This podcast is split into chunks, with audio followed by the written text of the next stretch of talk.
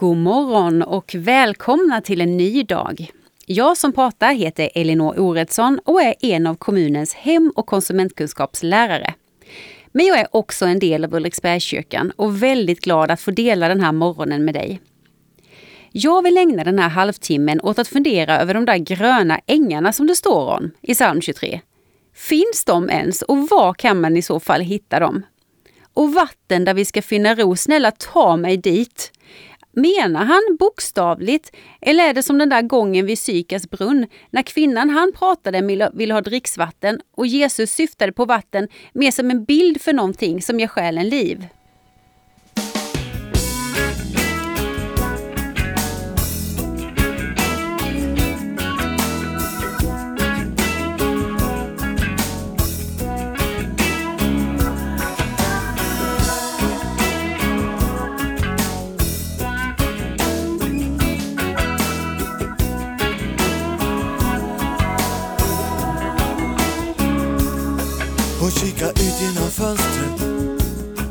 Att se om kusten var klar. Solen stod redan högt och svalkan fanns inget kvar. Det satt en man där vid brunnen, han verkar ny här i stan. Han bad om vatten att dricka, främling som han var. Han sa, om du bara visste vem jag är och vad jag har att ge dig skulle det vara du som bad mig. Och jag skulle ge dig levande vatten.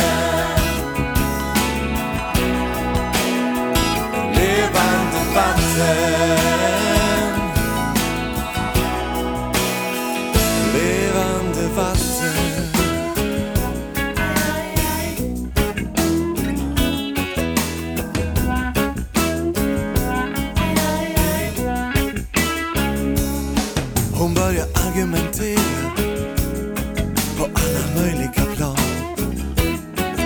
Brunnens djupa historia. Om Jakob och hans barn. Men det var svårt att koppla greppet.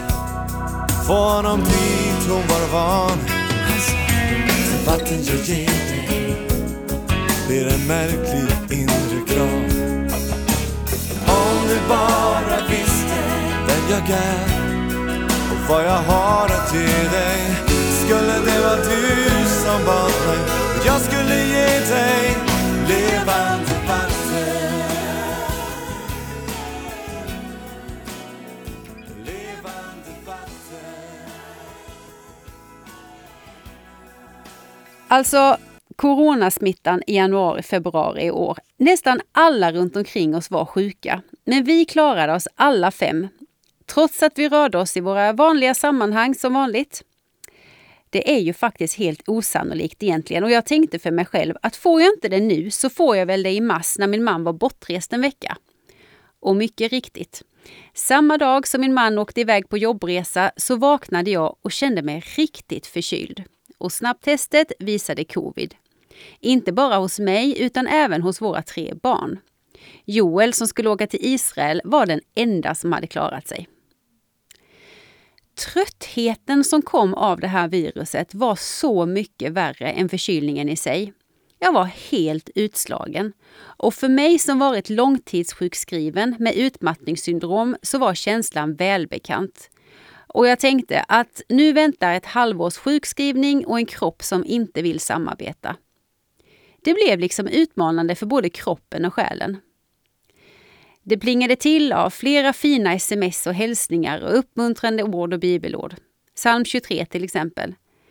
En psalm som ja, men jag har svårt att ta till mig. Jag tror att den har blivit så uttjatad att den har blivit intetsägande. På sjätte dagen kände jag att tröttheten började släppa sitt grepp. Och eftersom vi skulle få besök av en elektriker så blev jag tvungen att bege mig hemifrån några timmar. Det här var de dagarna i mars då vårsolen värmde sina första riktigt varma strålar. Några satte t-shirt på altanen medan andra började leta fram trädgårdsmöblerna. Jag packade en matsäck och körde ut till en kär plats. Ah, det luktade varmt när jag öppnade bildörren. Fåglarna kvittrade yrvaket och luften var fuktig och frisk och på marken var det som att man kunde se vitsipporna växa och gro där under de bruna löven. Jag promenerade på den upptorkade grusvägen och svängde av mot skogen en bit för att komma ut mot sjön. På en liten höjd vid en sten där solen låg på, där fann jag lä och där packade jag upp min matsäck. Ostsmörgåsar på gammalt vörtbröd från frysen med päronskivor på och så varm choklad. Precis som om mamma hade packat till mig. Det kändes tryggt och omfamnande. Jag tog fram min röda bibel och min anteckningsbok och så tänkte jag att jag får väl läsa den där 23 salmen då, som min man hade skickat på morgonen.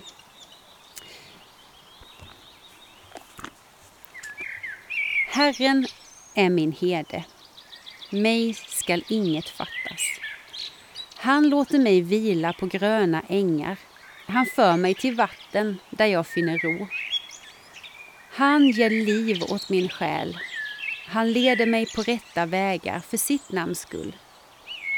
Även om jag vandrar i dödsskuggans dal fruktar jag inget ont, för du är med mig.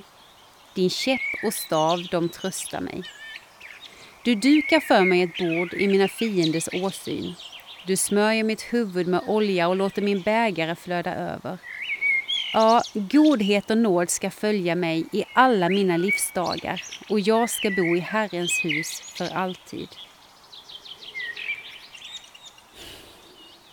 Vänta, jag måste bara resa mig och ta en bild. Det här är så himla mysigt. Hmm. Jag tänker att om Herren skulle dyka upp ett bord för mig så skulle det nog se ut ungefär så här. Picknick i det gröna. Alternativt så skulle han duka fint någonstans med gamla udda ting och blommor från trädgården utanför. Och det är här någonstans jag börjar fundera och jag tar upp mitt anteckningsblock. Så eh, i den här salmen använder sig David av en välbekant bild när han beskriver sin relation med Gud.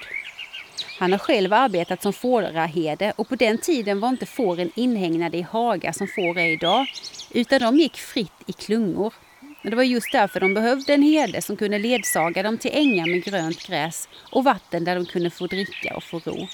Och så, som kunde skydda dem från rovdjur såklart. David beskriver Gud som vår herde, någon som vill leda oss i livet, någon som har vårt bästa för ögonen. Han låter mig vila på gröna ängar. Han för mig till vatten där jag finner ro. Alltså jag har så många gånger blivit irriterad och provocerad av de här meningarna. I synnerhet när de kommer i välmening till någon vars livstempo gjort henne sjuk av stress. Jag behöver inga flummiga gröna ängar, finns de överhuvudtaget? Jag behöver konkret vardaglig hjälp. Hmm. Jag har fått lära mig att när man ska läsa Bibeln så måste man pröva varje vers mot den stora berättelsen. Den som börjar i skapelseberättelsen och slutar i Uppenbarelseboken. Och vad berättar då Bibeln? Jo, den berättar ju om en skapande far som anlade en trädgård för sina två barn att leva i. Han ger dem en fri vilja och för att ge dem en ärlig chans att faktiskt göra ett val så planterar han ett träd i lustgården vars frukt de inte får äta och de väljer att göra mot Guds vilja. De äter frukten av trädet och synden kommer in i världen. Och Människa och Gud skiljs åt, Guds hjärta går sönder, han inleder direkt en räddningsplan, han väljer ut ett folk som ska representera honom. Synden är nu i världen, eh, de får massa förhållningsregler för att kunna vara med Gud som är helig trots synd. Folket misslyckas upprepade gånger med det. Gud sänder sin son för att dö en oskyldig död och därmed ta all synd på sig så att människor och Gud kunde leva tillsammans igen. Just det. Jag tänker lite till. Och jag återkommer till den där stora berättelsen, men om vi börjar med detta med att Gud skapade jorden som vi lever i och att han har anlagt trädgårdar, bergskedjor, insjöar och skogar av alla dess slag. Är det då helt orimligt att tänka sig att de där gröna ängarna och lugna vattendragen inte endast är en metafor för någon typ av inre tillstånd utan att det också kan vara faktiska natursköna platser på jorden som Gud har skapat för oss att ta hand om och njuta av. Jag tror nog att de gröna ängarna kan tolkas både bildligt och bokstavligt. Såklart kan en allsmäktig Gud ge inre frid var du än befinner dig. Ingenting är omöjligt för honom. Men oftast kanske han använder sig av sin skapelse, både människor och natur och det som finns nära att tillgå. Ett är i alla fall säkert. Det är rofyllt att vara i naturen, att andas frisk luft. Kanske skulle man vända på perspektivet. Istället för att fundera på hur jag når den där sinnesfriden när livet rusar på eller när oron gör sig alltför påmind, så kanske vi behöver vända på frågan och fundera. Vart finner min själ sin ro? Min gör det definitivt här ute i skogen. Gärna vid en sjö. Andra kommer mer till ro vid havet. Eller på Öland. Eller i vänners gemenskap eller i sitt trädgårdsland. När vi har kommit underfund med i vilken miljö vi slappnar av, då kanske vi skulle söka oss ditåt och vila där en stund.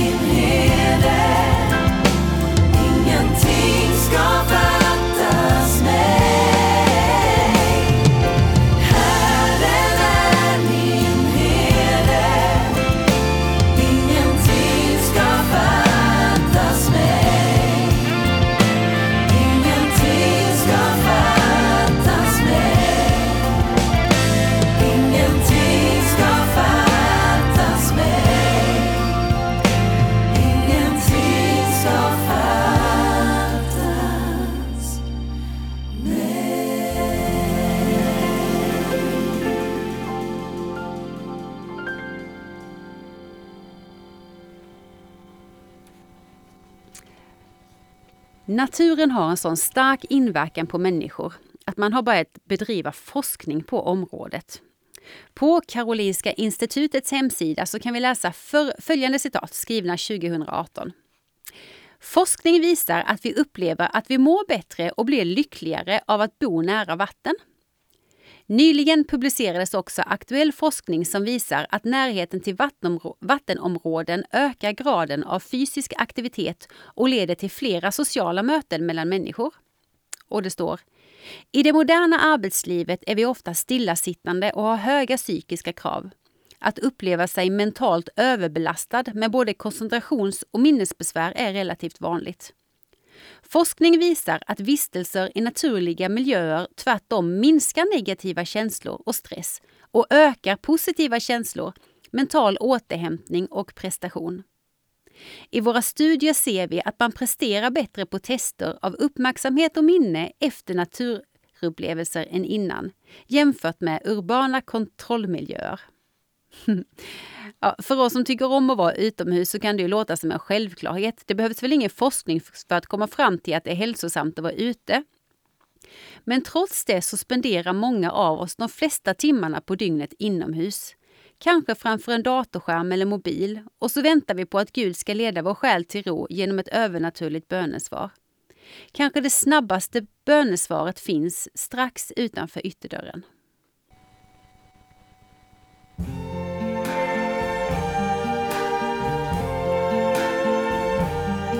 I see trees of green,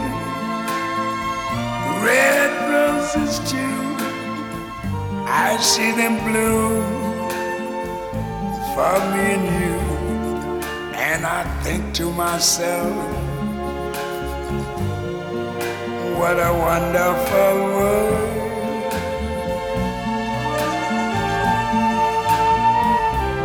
I see skies of blue clouds of white, the bright, blessed day, the dark, sacred night.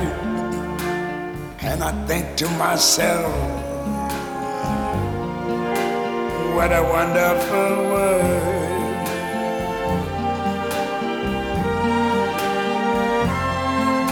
The colors of the rainbow, so pretty in the sky also on the faces of people going by. I see friends shaking hands, saying, How do you do? They're really saying, I love you. I hear babies cry. I watch them grow. They learn much more I never knew. And I think to myself, what a wonderful world. Yes, I think to myself, what a wonderful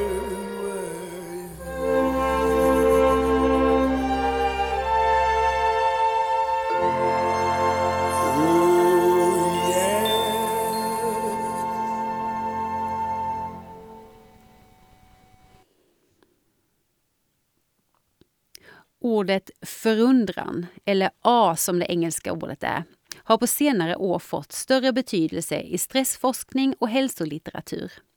Så här skriver Maria Borelius, vetenskapsjournalist och författare till boken Hälsorevolutionen. Hon intervjuar en forskare, Dr. Jennifer Stellar, som doktorerat i psykologi och som intresserat sig för hur psykologi kopplas till biologiska markörer. Sedan intresset för psykologi väcktes under 1900-talet av läkare som Sigmund Freud och Carl Jung har den psykologiska forskningen varit fokuserad på negativa känslor. Varför blir människan arg, rädd, deprimerad eller misstänksam? De positiva känslorna tog man för givna, som om de bara fanns där. Dr. Stella bestämde sig tidigt för att inte ta dem för givna. Det har gjorts många studier på negativa känslor men jag ville titta på motsatsen. Vad gör känslor som glädje, stolthet, förundran och kärlek med oss? I en revolutionerande studie som Dr. Stellar och hennes team gjorde mätte de olika mänskliga känslor och hur de påverkar graden av inflammation. Dessa känslor var i tur och ordning kärlek, glädje, medkänsla, stolthet, känslan av att vara road, känslan av att vara nöjd och trygg och just förundran. Det visade sig att av dessa sju känslor var det fyra som sänkte inflammationen på ett statistiskt säkerställt sätt. Glädje, förundran, stolthet och känslan av trygghet. Och av dessa fyra stod en ut med exceptionell topp i kurvan, förundran. Förundran handlar om någonting som är större än oss själva. Någonting som är enormt, oändligt stort. Man kan känna förundran över att hålla ett nyfött barn, över doften av syren, havets brus, fågelkvitter, Guds storhet eller musik. Och dessa känslor av förundran sägs alltså kunna inte bara skapa ett lyckligt sus genom magen utan också sänka graden av inflammation i kroppen. Det verkar som att vi kan bli fysiskt friskare genom att förundras över någonting. Ja, det här kan ju låta flummigt, men det är inte flummigare än ett prov i saliven. Där finns cytokinerna och genom dem kan man mäta graden av inflammation i kroppen. Och genom olika studier så har man alltså sett att olika känslor, negativa och positiva, höjer alternativt sänker inflammationen i kroppen. Kung David, som förutom psalm 23 även skrivit många av de andra salta salmerna i Bibeln, han hade på den tiden ingen modern forskning att hänvisa till. Men han hade en erfarenhet av förundran som han lutade sig på när han skrev i psalm 34. Lova Herren med mig, låt oss upphöja hans namn tillsammans. Jag sökte Herren och han svarade mig. Han räddade mig från allt som skrämde mig. De som ser upp till honom strålar av fröjd. Deras ansikten behöver inte rodna av skam. Hmm.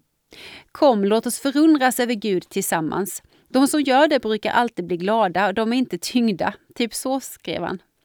Förundran, det gör någonting med oss.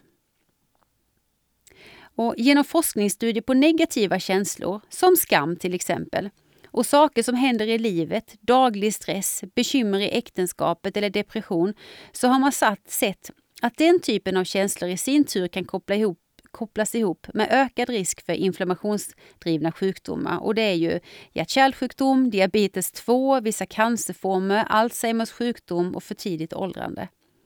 Man har också sett att det är den upplevda känslan mer än vad som faktiskt har hänt som påverkar resultatet.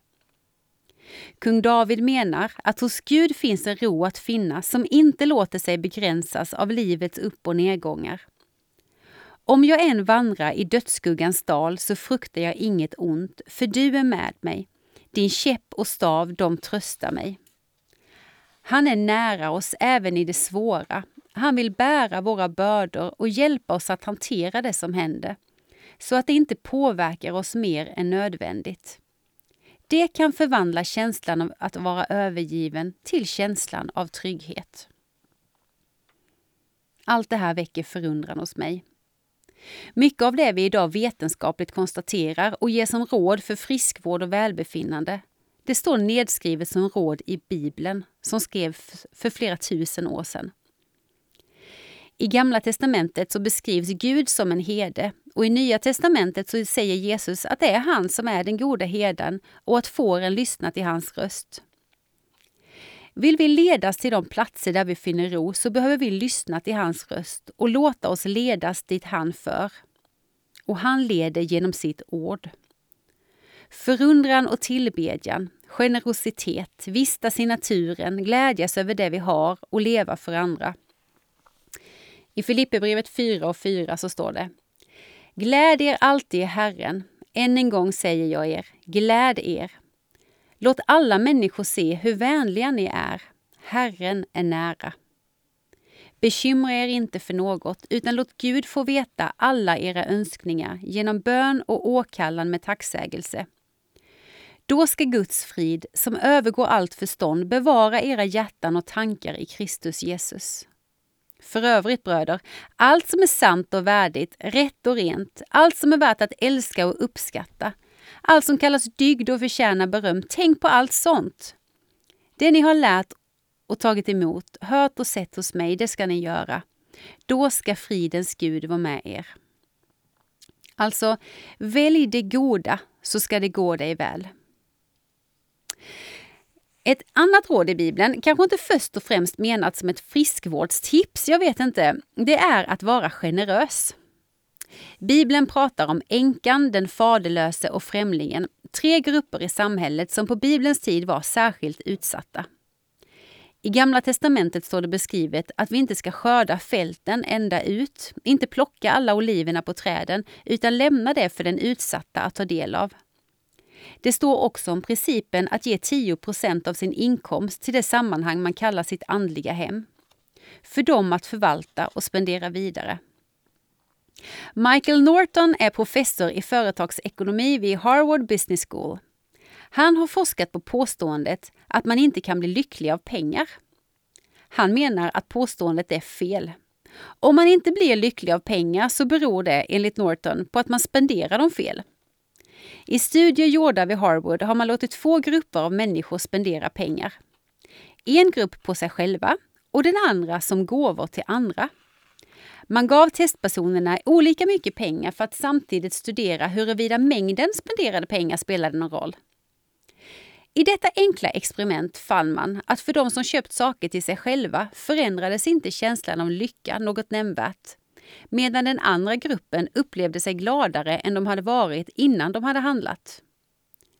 Efter denna studie ville man se om resultatet skilde sig åt i olika delar av världen och man utförde samma experiment i 136 länder. Och resultatet visade sig bli detsamma, oavsett vilken ekonomisk standard och kontext som försökspersonerna levde i. Det verkar rent vetenskapligt som att man blir gladare av att ge än att få pengar. Och vi kan vara helt trygga. Psalm 23 säger att Herren är vår försörjare. Ingenting ska fattas den som följer honom. Om du är både vis och generös med pengarna så kommer de att räcka, även om smöret nu kostar över 50 kronor. Kanske vinner vi någonting som är mer värdefullt än den ekonomi vi förlorar. Låt mig då avsluta mina funderingar kring den här 23 salmen och vart själen finner ro. Jag tror Gud, heden, är närmare oss och vår vardag än vad vi förstår. När vi känner ofrid och otrygghet, vad är du Gud? Då tror jag att han är precis intill och säger ”Såja, pappa är här. För det står ju, jag ska aldrig lämna eller överge dig. Jag ska själv gå med dig och låta dig få ro. De gröna ängarna det är inget flummigt utomkroppsligt tillstånd. För mig blir Guds omsorg tydlig när jag kom ut från sjukstugan och fick njuta av Guds natur vid skogsbrynet vid sjön.